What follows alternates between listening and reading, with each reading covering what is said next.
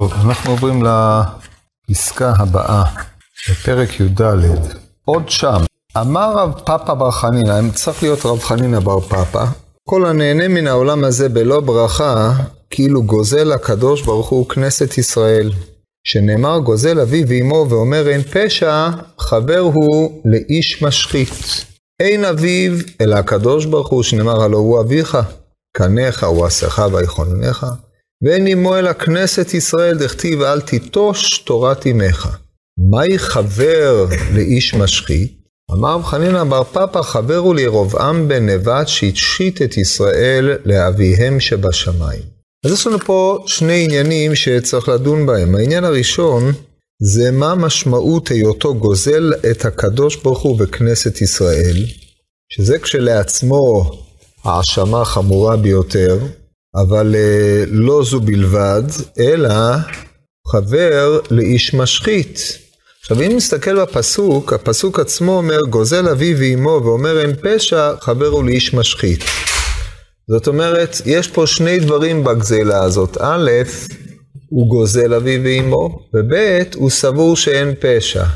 רק צירוף שני הדברים הללו, דהיינו הגזלה והצדקתה של הגזלה בטענה שאין בזה פשע, היא זו שעושה אותו חבר לאיש משחית. ולכן ייחדו פה את אבי ואמו משאר הנגזלים, מפני שאדם מניח שסופו לרשת את אבי ואמו, זאת אומרת, מה לי, מה הרי במה גזלתי, הרי סך הכל לקחתי מה שממילא עתיד להגיע להיות ירושה דידי, ולכן אין פשע במה שגזלתי. עכשיו רב חנינא בר פפא לקח את הפסוק הזה, ודימה אותו לאדם שנהנה מן העולם הזה לא- בלא ברכה, שהוא גוזל אבי ואמו ואומר אין פשע. עכשיו על האומר אין פשע, המהר"ל כביכול אה, בביאור שלו דילג, ואת הנקודה הזאת אנחנו צריכים להשלים. מעבר לזה הוא הסביר מה עניין גוזל אבי ואמו, והסביר מהו חבר לאיש משחית. טוב, עכשיו נראה את ההסבר. יש מישהו שקרא את ההסבר? טוב מאוד. היה מעניין? היה מובן גם? בוא נראה. אומר המהר"ל, ורצה לומר, כי גוזל את הקדוש ברוך הוא שברא את הכל, וכאשר ברא הנבראים כולם, סידר את הנבראים תחת כנסת ישראל, עד שהכל הוא תחת כנסת ישראל. לפיכך הנהנה מן העולם הזה ולא ברכה, גוזל הקדוש ברוך הוא שהרי הכל שלו, וגוזל לכנסת ישראל שהכל נתן הקדוש ברוך הוא תחת כנסת ישראל. ואל תקשה, הרי האוכל הוא גם מישראל. אז איך הוא גוזל את כנסת ישראל מאחר שהוא חלק מאותה כנסת? ואם הקדוש ברוך הוא נתן את הכל תחת כנסת ישראל, אז הרי זה בפרט תחתיו הוא. ולכן באכילתו זו לכאורה אין גזלה. אומר המהר"ל, זאת קושייה לא נכונה. דבר זה אינו. כי לכך אמר כנסת ישראל. רצה לומר כל ישראל מצד שהם כלל. לא האדם הזה שהוא אדם פרטי בלבד. ולא ברא השם יתברך את הכל רק בשביל כנסת, רק זה כי אם. בשביל כנסת ישראל שהם הכלל. אז עד כאן ההסבר של החלק הראשון גוזל אביו ואימו. אנחנו צריכים להסביר את זה. גוזל אביו, המהר"ל צמצם את הדיון וטען, גוזל את הקדוש ברוך הוא שברא את הכל. כן, הדבר הזה מצטרף למה שדיברנו בשיעור הקודם על אה, הנהנה מן העולם הזה בלא ברכה. מעל, או כאילו מעל, אלא שפה הוא רואה את זה כגזילה, כן, בעוד שבמימרות של שמואל, ומי שהיה קודם לכן, רבי לוי, אנחנו ראינו את זה כאילו העולם הזה כולו הוא עולם של הקדש, והוא נהנה מן ההקדש, אף על פי שכמו שאמרנו בפעם הקודמת, שבהנאה מן ההקדש יש מימד של גזלה, רב חנינא בר פפא העמיד את הדבר הזה על הגזלה, אלא שהדבר הזה הוא לכאורה תמוה. מה, כיוון שרב חנינא בר פפא בוודאי הכיר את דרשות אה, אמוראי קמאי שהיו לפניו, מה ראה לנכון למעט את החומר מעשהו של הזה, ולהעמיד אותו בתורת גוזל. הרי במה המעשה הזה נחשבת, נחשב גזלה? באשר השמיים שמיים, באשר להשם הארץ ומלואה.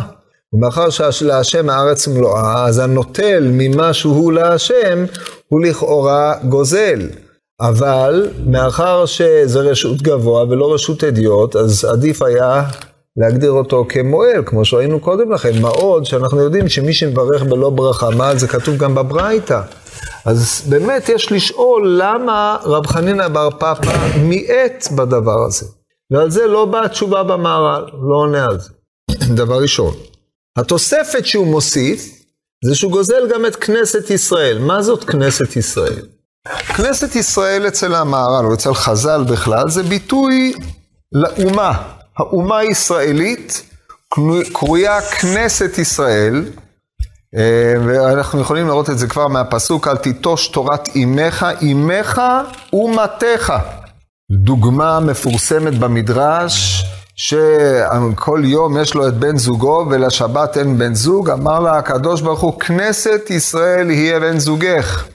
כנסת ישראל היא האומה הישראלית בכללותה, וכללות האומה היא זו שצריכה. לגלות או היא, היא מעשה ידיו של הקדוש ברוך הוא, והיא במעשיה אה, מנכיחה את אה, היות הקדוש ברוך הוא בורא את העולם. אם כן, יש לנו פה שני עדים, השבת זה עדות אחת, דהיינו הבריאה שנתחדשה בזמן, וכנסת ישראל, שזה עם ישראל, שהיא האומה, כמו שמהר"ל מסביר במקומות אחרים, האומה שנבראה אחרונה שבאומות, כמו ששבת באה אחרי ששת ימי המעשה, ככה עם ישראל בא אחרי שנתייסדו שבעים האומות בפרשת נוח, ובכלל זה גם אה, ישמעאל ועשיו. הרי שהאומה הזאת שבאה באחרונה, היא מהווה את שבחו של הקדוש ברוך הוא, או פועל ידיו של הקדוש ברוך הוא. עם ישראל נקראים ידידים, מעשה ידיי להתפאר. אה, ועוד, כן, ועמך כולם צדיקים, לעולם שוער אה, נצר, מטעיים מעשה ידיי להתפאר. ומעשה ידיו של הקדוש ברוך הוא הם על ידי זה שעם ישראל עושי רצונו, נושאי התורה. ומוצאים אותה אל הפועל דור אחר דור, אני מדבר על ההיבט הכללי, לא על הפרטים, הרי שבזה מתגלה, מתגלה ייחודיותו של הקדוש ברוך הוא בעולם. כדרך שבשביתת השבת, או השבת כשלעצמה, שהקדוש ברוך הוא קידש אותה ועם ישראל שובת בה, הוא מעמיד את ייחודיותו של בחינת הזמן שם. זה הצירוף של עם ישראל, או כנסת ישראל והשבת. אם כן, כאשר המהר"ל טוען שהקדוש ברוך הוא, אה, כשברא את עולמו, נתן הכל, או בניסוחו היותר מופשט, ברא הנבראים כולם, סידר את הנבראים תחת כנסת ישראל עד שהכל הוא תחת כנסת ישראל. דהיינו, כל הנבראים בעולם, עכשיו אנחנו לא מדברים על איזה גוי זה או גוי אחר, אנחנו מדברים על הנבראים ש... הם, הם חלק מהעולם. אם אנחנו מדברים פה על ברכות, זה מדובר על uh, הבעלי חיים, על הדוממים, על הצומח, וכל מה שהקדוש ברוך הוא ברא בעולמו, הוא סידר אותו תחת כנסת ישראל, דהיינו הוא כביכול מסור לאומה הישראלית, שבהתנהגותה היא מגלה שהכל שב אליו יתברך, או הכל ממנו. זה הרעיון, כן? עמזו יצרתי לי, תהילתי יספרו, התהילה שהקדוש ברוך הוא, התהילה עולה, היא על ידי זה שעם ישראל נוהג בעולם הזה כמי שנוהג בעולמו של הקדוש ברוך הוא, ומצביע על זה שהעולם הזה הוא עולמו של השם יתברך. ולכן הוא סידר הכל תחת כנסת ישראל, דהיינו תחת האומה. בהקשר המסוים הזה, האומה, בין השאר, זה מה שחקקו החכמים להמון ישראל, לנהוג על פיו כדי ששמו של הקדוש ברוך הוא יתגלה לכל אחד ואחד. ולכן אדם זה שהוא אה, נותן, נהנה מן העולם בלא ברכה, לא זו בלבד שהוא גוזל את הקדוש ברוך הוא, אלא פה הנקודה הנוספת, הוא גוזל את כנסת ישראל. עכשיו, מה הוא לקח מכנסת ישראל? מה, מה טיבה של גזילה זו שהוא גזל? וכמו שאמרנו קודם לכן, לכאורה גוזל את הקדוש ברוך הוא זה מדרגה נמוכה יותר מאשר מועל. אבל על ידי זה שאנחנו מוסיפים כאן את גזלת כנסת ישראל, אז מתעלה המדרגה הזאת. זאת אומרת, הוא, הוא חוטא גם כנגד האומה בגזלה הזו. זאת הנקודה המרכזית. אי אפשר לחטוא נגד הקדוש ברוך הוא בלא שהוא חוטא כנגד האומה, כי האומה עצמה דרשה ממנו לברך לפני שהוא אוכל. זאת אומרת, עד שעם ישראל לא חקק שצריך לברך על אה, מה שאדם נהנה מן העולם, לא הייתה פה גזלה בכלל. ורק מתוך שעם ישראל, או האומה, חקקה שהנהנה צריך לברך קודם שיהנה, מתוך כך נמצא שכאשר הוא אוכל בלא הנאה, הוא גוזל את כנסת ישראל באשר הוא עושה פעולה שהיא נוגדת את האופן שבו הכנסת ישראל ממשיכה את גילויו של הקדוש ברוך הוא בעולמו. זאת נקודת החידוש במימרה הזאת. ועדיין צריך להבין למה יש מיעוט ביחס לעניין של המילה. עכשיו, נראה לי שהפתרון הוא די פשוט, מפני שכאן, מאחר שרב חנינא בר פפא סמך את זה על הפסוק, גוזל אבי ואימו ואומר אין פשע חבר הוא לאיש משחית, האלמנט המתחדש פה זה אומר אין פשע. מעילה, כשאנחנו דנים עליה, מעילה היא דבר ברור, אדם יכול למעול באשר הוא לוקח, הוא שוגג, יכול להיות מועל במזיד, מועל בשוגג, אבל בין כך ובין כך הדבר ברור שהנכס שאותו הוא, או הדבר שבו הוא משתמש, הוא שייך לרשות אחרת. הגוזל שאומר אין פשע יוצא מתוך נקודת הנחה שהדבר הזה שייך לו. הרי כלום לא ברא הקדוש ברוך הוא את האדם בעולם אלא כדי שיאכל, ישתה וישמח. ממה אדם צריך להתקיים בעולם אם לא מזה שהוא יאכל וישתה? בשביל מה הקדוש ברוך הוא שם אותו פה? בשביל מה הקדוש ברוך הוא נטע עצים, או אה, ברא עצים, או ברא בריות אה, יפות, אה, כל מה שיש בעולם, הרי הדבר הזה לא נברא אלא בשביל האדם. אז בא האדם ואומר, הרי בשבילי ברו את העולם, כיוון שבשבילי ברו, לא זו בלבד שאני לא צריך לברך על זה, אלא אם אני לא אהנה מן העולם, אני לא מנצל עד תום את הייעוד שבשבילו נת... אה, נתנו אותי בעולם. כן, מי שרוצה לראות ביטוי קיצוני לדברים האלה, אני לא יודע אם אמרתי לכם את זה, אבל ברמח"ל, במהדורה של, במסילת ישרים, במהדורת סדר הוויכוח, יש מישהו שלא יודע על מה אני מדבר? טוב, אז אני אסביר לכם על מה אני מדבר. כולם מכירים את הספר מסילת ישרים, נכון? שהמסילת ישרים נכתב בשתי מהדורות, מהדורה קמא ומהדורה בתרא. מהדורה קמא הייתה מהדורה של דיאלוג בין חכם וחסיד. מהדורה בתרא כבר הובלעה הדיאלוג לתוך אה, פסקאות רציפות בספר שכולם מכירים. עכשיו, כמעט הספרים הללו ב-90% זהים מילולית, למעט ההקדמה שבמהדורה קמא לעומת ההקדמה שבמהדורה בתרא, שם, במהדורה קמא, דבר שלא מופיע במהדורה בתרא, מוצגת עמדתו של החכם. שהיא כמובן העמדה שכנגדה יוצא החסיד וספר מסילת ישרים בכללותו. בין השאר, אני ממליץ לקרוא את זה, זה יצא בהוצאת אופק, אה, עכשיו אה, מצוי בספרייה, תמצאו את הספר הזה, כדאי לקרוא את הפסקאות הראשונות. שם העמדה המוצגת היא מעין העמדה שהצגתי קודם. אדם מכיר את הקדוש ברוך הוא על ידי זה שהוא חווה את העולם, העולם נברא בשביל האדם. חייב אדם לומר, אומרת המשנה, חייב אדם לומר, בשבילי נברא העולם. צריך ליהנות, בשביל מה הוא הושם פה. הוא לא הושם בתוך המלחמה החזקה, הוא שם פה בתוך הגן עדן. כן, יכול להיות שהגן עדן הזה יתהפך עליו לגיהינום, אבל כל פנים, אם לא, תהנה. איך אומרת הגמר מסכת, מסכת עירובין, אמר לי שמואל רבי יהודה שיננה. על היי עלמא כבי הילולי, חטוף אכול, חטוף ושתה. גמרא מפורשת. אז מה? כמו חתונה, אתה נמצא פה בבי הילולי, תנצל את זה, בשביל מה באת? אז אם זאת ההשקפה, אז אין פשע. הרי סך הכל, נציג את זה בצורה עוד יותר קיצונית. אומר הכתוב, בנים אתם להשם אלוקיכם. לא תתגודדו, לא תשימו כורחה בין עיניכם למת. אז מה כן תעשו? אם אנחנו בנים, הוא האבא, אנחנו נמצאים אצלו על השולחן. יושבים ואוכלים מפטורא דמלכא, וכי אדם שיושב אצל אביו בבית ואוכל הוא גזלן? לא. אומר רב חנינא בר פפא, האוכל בלא ברכה, הוא האומר, הוא גוזל אביו ואימו ואומר אין פשע. מגיע לי, זה שלי.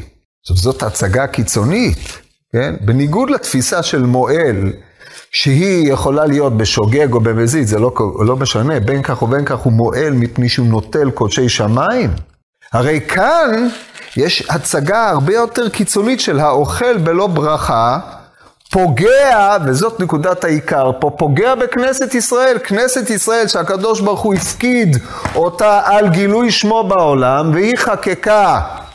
כן, אל תיטוש, אומך, אימתך זה בדרך כלל אה, תקנה דה רבנן, למשל הגמרא במסכת עירובין, בכ"א דומני, כתוב שם על הפסוק, אה, כתוב שם על הפסוק, דודי צפנתי לך. משל למה הדבר דומה? למלך שנשא אישה והלך, והשאיר לה כתובה, והיא השתמשה בכתובה שלה כדי לרבות את הנכסים. ככה הקדוש ברוך הוא, כנסת ישראל, נשא את כנסת ישראל במעמד הר סיני, ונעלם, ועם ישראל מוסיף דיני דרבנן על דיני דאורייתא. התוספת הזאת מראה את חיבת כנסת ישראל לקדוש ברוך הוא. בכלל, כשאנחנו מדברים על מה שעשתה האומה, אנחנו מדברים על תקנת חכמים. זה הצד שבה, שכנסת ישראל מגלה את חיבתה כלפי הקדוש ברוך הוא בחקיקת חוקי דרבנן, לצורך העניין. לפי זה אתם יכולים להבין שגוזל אביו ואמו, דהיינו משום שחז"ל, שזה ביטוי לאומה, תיקנו את הברכה הזאת, אכילה בלא ברכה היא גזל. וזו הנקודה, היא גזל של הקדוש ברוך הוא וכנסת ישראל. כביכול כנסת ישראל שיוותה את הנבראים בעולם כנכסי הקדוש ברוך הוא, שהאוכל אותם נעשה גזלן. אבל האוכל אותם, עד שהם לא חקקו את זה, זה לא היה גזל. כל הכבוד לכנסת ישראל, אני חלק מהם. למה שאני אהיה גזלן? כמו שהסברנו קודם היטב. אז זה נקודת החידוש של רב חנינא בר פפא. זאת אומרת, הנקודה היא יותר על הצד של כנסת ישראל מאשר של הקדוש ברוך הוא, והדגש הוא על האומר אין פשע. שאם נתעלם מזה, אז לא יובן ההמשך. טוב, עכשיו נראה מה זה חבר ולאיש משחית, כן. זה מובן, הוא גוזל מכנסת ישראל, כנסת ישראל זה לא בבעלותה. סידר את הנבראים תחת כנסת ישראל. זה לא בעלות ממונית. ברגע שכנסת ישראל אמרה שזה, זה לא יוצא מחזקת השם יתברך אלא בברכה, אז מי שנוהג לא ככה, סובר שזה כן יוצא מחזקתו בלא ברכה. ובאיזשהו שלב זה יוצא כביכול מחזקתו, או שזה ניתן, או שזה בתורת פדיון, איך שלא נראה את הדברים הללו. היא משווה את זה כגזל, כן, זה מה שהתכוונו. טוב, עכשיו, מה זה חבר ולאיש משחית?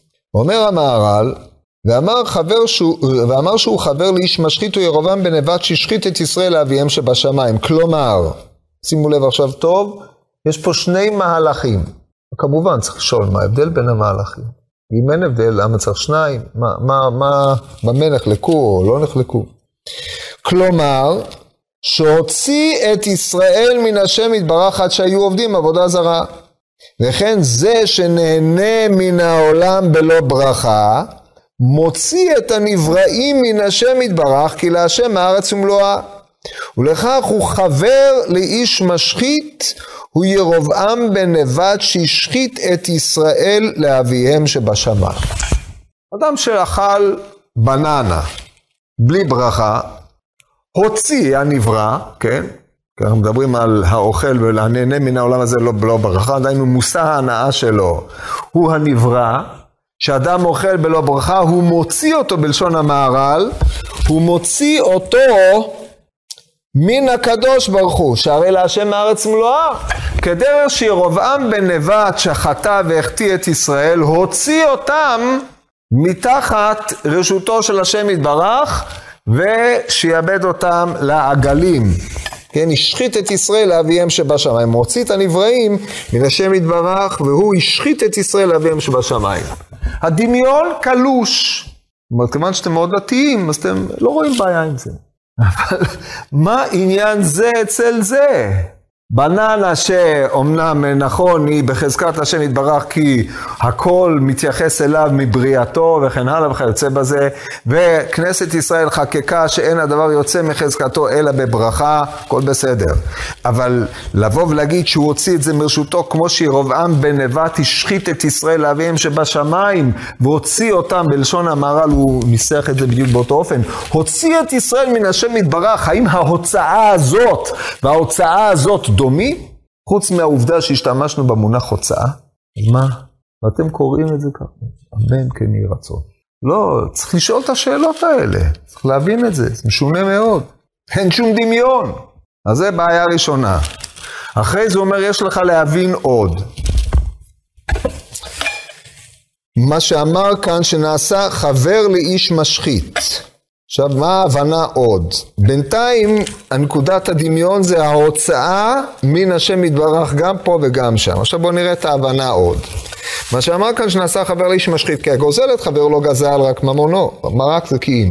דהיינו מה שהיה קודם ממון ראובן, ועתה ממון שמעון, אבל לא נקרא שהשחית עצם הדבר שגזל, ואפילו אכלו, הרי לא, לא היה לחברו בו רק שהוא ממונו, ולא זולת זה. ולכן, ולזה יש תשלומים שכל ממון יש לו תשלומים, וכאשר אכלו, אז הממון יתחייב לו ולא יותר. וזה שנהנה מן העולם בלא ברכה, השחית העולם עצמו. האוילום, לא את הבננה שהוא אכל, את העולם הוא השחית. איך? בעצמו. או הוא בעצמו השחית את העולם, הוא השחית את העולם בעצמו, כן. כי הכל הוא אל השם יתברך מצד עצמו. לא מצד שהוא ממון של הקדוש ברוך הוא וקניינו בלבד. ודבר זה נקרא משחית כאשר משחית הדבר בעצמו. לפני רגע זה היה העולם, ועכשיו זה נהיה הדבר. כי לא ייתכן בזה תשלומין. כי התשלומין הוא שייך אל הממון, לא אל דבר שהוא בעצמו של השם יתברך, רק השחתה הוא. וזה שאמר חבר לירובעם בלבד שהשחית את ישראל, שהדבר שהוא עושה לרבים נקרא השחתה, כי חטא היחיד אין נחשב השחתה, שישר בתשובה, אבל למחטיא הרבים אין תשובה ואין תיקון לו, ודבר זה השחתה נקרא בוודאי, דבר שאין לו חזרה ותשובה. אז הוא מציין למה שפרש בפרקי אבות, לגבי העניין של היחס בין הפרט לכלל, ואם יתברר אצל המחטיא הרבים אין מספיקים בידו לעשות תשובה, אז תבין לגמרי מה שמדמה אותו לירובעם שהחטיא את הרבים, שמישהו נהנה מן העולם בלא ברכה, הרי הוא משחית את הדבר בעצמו, הוא חוזר עוד פעם על זה, כי הכל אל, הש... אל הקדוש ברוך הוא מצד עצמו, כך נקרא השחתה, ומפני זה הוא חבר לירובעם בנבט שהשחית את ישראל בעצמם מצד שהם ישראל, כמו שביארנו שם נקודה. עכשיו זה אמור להיות יותר מובן, אלא שמלבד חילופי הדימויים, פה שהוא משחית את העולם בעצמו, משחית את הדבר בעצמו. ירבעם בן נבט השחית את ליבן של ישראל לאביהם שבשמיים על ידי זה שהוא היטה אותם לעבוד את העגלים שהוא נטע כדי שלא יעבדו את השם במקדש בירושלים. הדמיון שוב לא מן הדברים היותר מחוברים, כן. ההשחתה של העולם מי שאוכל בלי ברכה עושה את זה בגלל שהוא לא יכול לפצל את הקדוש ברוך הוא? אז אם נניח שזה העניין, אז הוא לא יכול להחזיר חזרה, אז לכן יש פה השחתה. זה תחילת התבוננות, אבל זה עדיין לא דומה לירובעם בן נבט. טוב, אז אנחנו פה בבעיה, בעיה לא פשוטה, כן? זאת אומרת, זה נשמע יפה, אבל אחרי שאתה חושב על זה קצת, זה לא מובן. כל דבר לא מובן, שהוא כבר לא נשמע, כי מובן ונשמע הם שני צדדים של אותה מטבע. אנחנו צריכים לק... להבין את זה, לקרב את זה לשכל.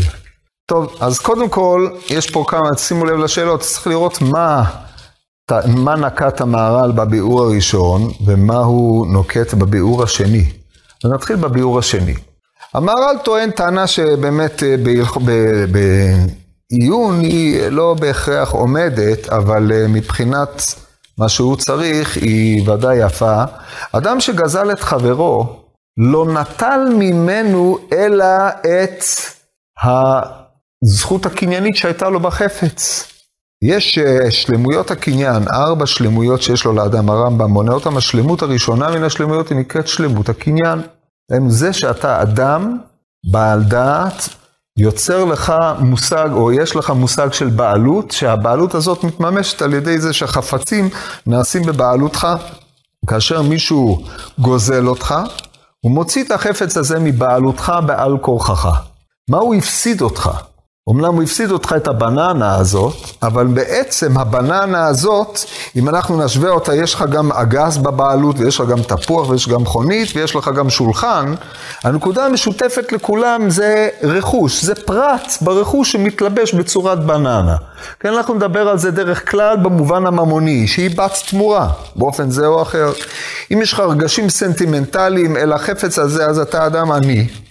אז עדיף שלא תפתח רגשים סנטימנטליים לבננה, והוא הדין לגבי רוב הדברים. אדם שנקשר לחפצים, בעיה קצת. אבל טוב, נניח נתעלם מהצד הזה. אז לכן אומר המהר"ל שכאשר נטלו או מיעטו את חלות הבעלות שלך על זה, זה שנטלו ממך משהו על כורחך, שזאת גזילה, הדבר הזה הוא בר השבה והשיב את הגזלה אשר גזל, אם כן שגזל יחזיר, ואם לא, הוא צריך לשלם לו ממון. שהוא מפצה אותו כי הוא מחזיר, הוא מחזיר לו את השלטון על איזשהו חפץ שהיה לו. נראה את זה באופן הזה. במה דברים אמורים? כאשר מדובר באדם שיש לו בעלות על, והחפצים הללו משלימים את בעלותו.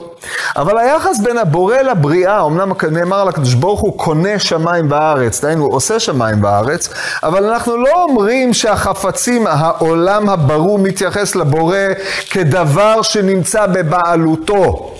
ויש אפשרות לצאת מבעלותו ולחזור מבעלותו, כביכול העולם יוצא מבעלותו כאשר הוא מוכר את הבננה שלו למישהו שאוכל אותה, אז הבננה יצאה מבעלותו של הקדוש ברוך הוא ונעשית רכוש האדם. ההתבוננות הזאת היא התבוננות של עניות, מפני שהקדוש ברוך הוא מחיה ומקיים ומעמיד את העולם בכל רגע ורגע. והרי אם היה רוצה הקדוש ברוך הוא, העולם הזה חוזר והיה כלא היה, ולכן הוא מחיה ומהווה אותו, כן? לא נאמר כמו אה, איזה שהם עמדות שהוא בורא אותו כל רגע מחדש, אבל הוא מחדש בטובו בכל יום תמיד מעשה בראשית, מה שמעמיד את העולם להיותו מה שהוא. ומאחר שהוויית כל הנבראים בעולם הם מפני שהוא בורא אותם ומעמיד אותם ומקיים אותם, אם הם אל הקדוש ברוך הוא הנוטל נברא כזה ונוהג בו כשלו, זה גזלן שהוא לא יכול להשיב, מה הוא ישיב? הוא עצמו מקוים, על ידי הבורא יתברך, שנקרא מלך אלוף בהקשר הזה, כן? אז מה הוא יכול להשיב? אין פה, תשו, אין פה השבה. השימוש או הבריאה הזאת שנבראה, זה היא נבראה כדי שהאדם ישתמש בה להכיר את היות הקדוש ברוך הוא בורא ומחיה ומקיים. ההכרה הזאת נעשית על פי מה שכנסת ישראל התוותה בברכה. אז מי שאוכל בלא ברכה, הוא משחית את עצם הקונספט של הדבר, שהיות הדבר הזה בריאה. וכאשר הוא עושה את זה מתוך האמירה אין פשע, אין פשע יותר גדול מזה, מפני שזו התפיסה מוטעית לחלוטין של יחס בורא בריאה ותפקידו בתור פרט בעולם בהיותו חלק מכנסת ישראל. אז לכן המהר"ל קורא לזה השחתה, זה בעברית מה שאם הבנתי אותו נכון, מה שהוא התכוון לומר על uh, בסיס ההשחתה. עכשיו ההשחתה הזאת היא לא השחטת הבננה בלבד, כמו שאתם יכולים להבין, מפני שאין הבדל בין הוויית הבננה ברמת הצומח, או אחרי שהיא כבר לא צומחת, ברמת הדומם, לבין הוויית האדם או הוויית השולחן או הוויית כל דבר אחר, מבחינת היות הקדוש ברוך הוא בורא. אין הם לא יותר קרובים או רחוקים, הבעל חיים לא יותר קרוב אל הקדוש ברוך הוא מבננה וכן הלאה זה הדרך. מבחינת הקונספט של בורא בריאה, כולם שקולים. לכן השחתה היא לא השחתה מתייחסת לחפץ בלבד, אלא השחתת הדבר היא השחתת העולם בתפיסת יחס בורא ברור. אני רואה שהצלחתי לעלות, לעשות לכם עליית הנשמה. זה טוב מאוד, רק כשתחזרו למטה, תגידו מה התחדש לכם שם. לגופו של עניין, צריך להתעורר. מה? ההסתכלות הזאת, לא זה נכון, אבל זה אתה צריך להכיר, זה הרעיון של כנסת ישראל. כנסת ישראל התירה לך לעשות את זה רק להיות בתודעה של היותך ברור, והאמירת הברכה היא מעמידה אותך בתודעת ברור בורא. אחרת, אתה לא, אתה בעל הבית. אתה פה, אין השגחה, תעשה מה שאתה רוצה. עזב השם את הארץ, ותעש אדם כדגי הים, כל אחד עושה מה שהוא רוצה, כן? זה הגזל. אבל השימוש בגזל והשימוש בהשחתה מסובבים סביב אותו ציר. זאת התפיסה של הגישה השנייה. וממילא הכל נגזר ממנו. טוב, אז עכשיו שהבנו את זה, יש מישהו שלא הבין? שאלו? אין. מה התפיסה הראשונה? עכשיו רגע, לפני זה, בוא נראה איך זה מתאים לירובעם בן נבט, זה מאוד פשוט איך זה מתאים לו. מה הוא עשה? השחית את ישראל, אביהם שבשמיים. מה תפקידם של ישראל? אמרתי לכם, המזוי עצרתי לי תהילתי יספרו, עבודת העגלים, כל עצמה לא באה, אלא להנכיח תפיסה אחרת. אתה עובד לכוחות, תפיסה אלילית. אתה עובד לכוחות ישראל שיוצאים תחת כביכול ומושחתים אל אביהם שבשמיים, הם עצמם אינם מוצאים את תעודתם על הפועל בהכרה שהקדוש ברוך הוא ברא את עולמו, והאפשרות ליהנות מן העולם הזה היא רק על ידי פנייה לו, אם אתה פונה לעגל, אז בעצם אתה עובד את עצמך, אתה יוצר איזשהו מוצר דמיוני כדי לאפשר לך לעשות את מה שאתה רוצה בעולם. כמו עבודה זרה, אומרת הגמרא, לא עבדו ישראל עבודה זרה, אלא כדי להתיר להם עריות. אתם מכירים את זה? לא עשה ירובעם שני עגלים בדן ובבית אל, אלא כדי לחזק את המלכות שלו, שלא יעלו לירושלים. קיצור, הוא משתמש בצורך הדתי של העם בשביל ליהנות מן העולם. זה במקרו וזה במיקרו, ומה נפקא מיני. עד כאן זה ברור? טוב. עכשיו, מה הביאור הראשון? כן. אפשר להבין מה הקשר, מה, איך זה מסתדר עם בן אדם שאוכל בברכה? הוא משתמש ברובם. בן אדם ש... טוב, בירובעם הבנת? כן. אז בוא נעבור לברכה. מה לא מובן שם? אדם שאוכל בלי ברכה, גוזל אבי ואמו, אמרה כנסת ישראל, שאמירת הברכה היא ההכרה בזה שהקדוש ברוך הוא מחיה ומהווה את העולם בכל רגע, ואתה בזה מספר תהילתו, מייחד אותו, מעמיד אותו כבורא, זה הרי אחד האידיאלים הגדולים, כן? זה לא רק עניין ידיעתי, אלא עניין הנהגתי, זה נקרא ייחודו יתברך. אם אתה לא עושה כן, אתה לא מייחד כלום. אתה חי בגן עדן, אתה עושה מה שאתה רוצה, שולח אותו, אומר, אתה הסיבה הראשונה, ואנחנו פה אוכלים ונהנים. שזה ביטול העולם, דהיינו ביטול היות העולם ברור ממנו, במובן הרחב, כן? לכן זה ביטול הדבר וביטול העולם, אין, כי אין נפקא מינה בין הפרט לכלל. ברגע שאתה אומר את הטענה הזאת, אתה גם, אם אתה מבטל את המייחדים, אתה גם מבטל את העולם. זה מה שעשה ירובעם. ולכן, על זה כתוב אין פשע חבר הוא גוזל אביו ואמו ואומר אין פשע חבר הוא לאיש משחית, פירושו שאין תשובה למי שאומר גוזל אביו ואמו ואין פשע. הוא לא, הוא לא תופס מה הבעיה, ירובעם, כיוון שהוא החטיא את הכלל, אין, אין לו תשובה. זאת אומרת, זה לא איזושהי טעות, זה קונספט. גוזל אביו ואימו ואומר אין פשע, פירושו של דבר שהוא לא מקבל את הסמכות של כנסת ישראל, שעל פיה האדם מישראל עובד את בוראו. זה פשע, על ידי זה תמונת העולם שלו היא מוטעית, כמו שאנחנו יודעים היום שיש הרבה אנשים המכונים פרופסורים או בעלי הבנה וכולי, שתפיסת העולם שלהם היא מוטעית לחלוטין והם טועים ומטעים, וצריך להיזהר מהדברים האלה מאוד. זאת אומרת, מישהו לא ירא שמיים, צריך לקבל את דבריו מבחינת מה שאמר רבי מאיר, רימון מצה, תוכו אכל וקליפתו זרק, ולא להיות מאלה שאוכלים את הקליפה וזורקים את התוך. זה המצב, לכן צריך להיזהר מזה מאוד מאוד, מכל מיני השקפות שמסתובבות פה ומטעות את הרבים. עכשיו נחזור לעניינו, זה, זה נקרא להחטיא את הרבים היום. עכשיו, מה ההשקפה הראשונה?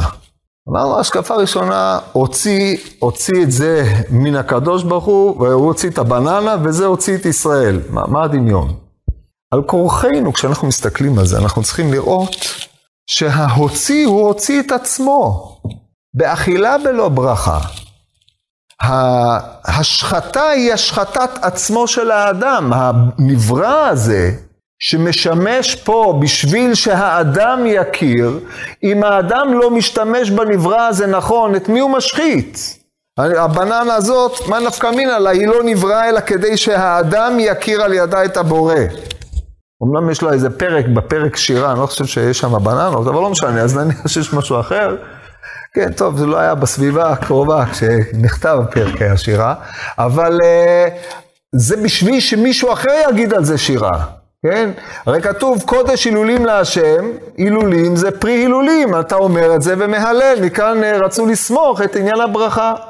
אז האדם האוכל גוזל אביו ואמו ואומר אין פשע, חבר הוא לאיש משחית, כי ההשחתה היא יותר גדולה, היא השחתה של עצמו, אז כדרך שירובעם במעשיו הוציא את ישראל מאביהם שבשמיים, הגוזל ואומר אין פשע, משחית את עצמו לאביו שבשמיים על ידי שהוא מוציא את הנבראים האלה.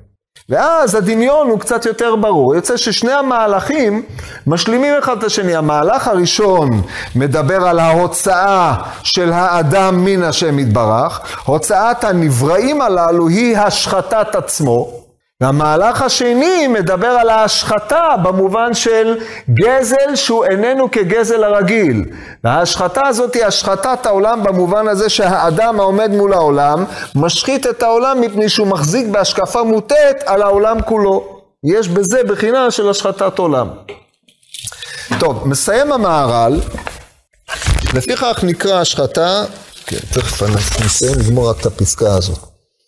אמ, ופשט הכתוב גוזל אביו ואמו ואומר אין פשע חברו לאיש משחית כך פירושו גם כן. מי שגוזל אביו ואמו ואומר אין פשע לפי שאומר כי לסוף יורש אותו. אם כן אין פשע כאשר יגזול את אביו. על זה אמר כי הפך הוא מה שחשב. כי יותר חטא הוא זה. למה? כי חבר הוא לאיש משחית. כי אביו ואמו נחשבים אליו כמו כבוד שמיים ולכך דבר זה שגוזלו נחשב השחתה, אשר משחית הדבר בעצמו כאשר גוזל אביו ואימו. זאת אומרת, המהר"ל הולך אה, לעניין, גוזל אביו ואימו ואומר אין פשע, בגלל שהסך הכל, מה, מה זאת אומרת? הרי ממילא הם צריכים להאכיל אותי, או ממילא זה יגיע אליי לירושה. זאת אומרת, אין לך פשע יותר גדול מזה. מפני שזאת השחתת יחס הבן לאביו ואימו, איפה כבוד אביך ואיפה יראת אביו, כבוד אביו, יראת אמו, כבוד אמו, זה לא דבר שעכשיו אחרי זה תחזיר אותו לאביך, מה תחזיר? זה לא שהוא עומד מחוץ לך, אלא המחויבות שלך כלפי אביך זה לא רק מחויבות של אדם כלפי אחר, אלא זה מחויבות של כבוד, של יראה. וזה ביטוי של חוסר כבוד וחוסר יראה. ולא נחשב כאילו נוטל ממונו בלבד, רק השחית ואיבד הדבר שלוקח ממנו, כי לממון יש השבה, אבל כאשר גוזל אביו ואמו אין השבה לדבר זה. כי מה הוא יעשה? את, ה, את ביטול כבודם של אביו ואמו בדבר הוא יכול לתקן? לא יכול לתקן. והדבר הזה עמוק, ולכך הנהנה מן העולם בלא ברכה, נאמר עליו גוזל אביו ואמו, ואומר אין פשע.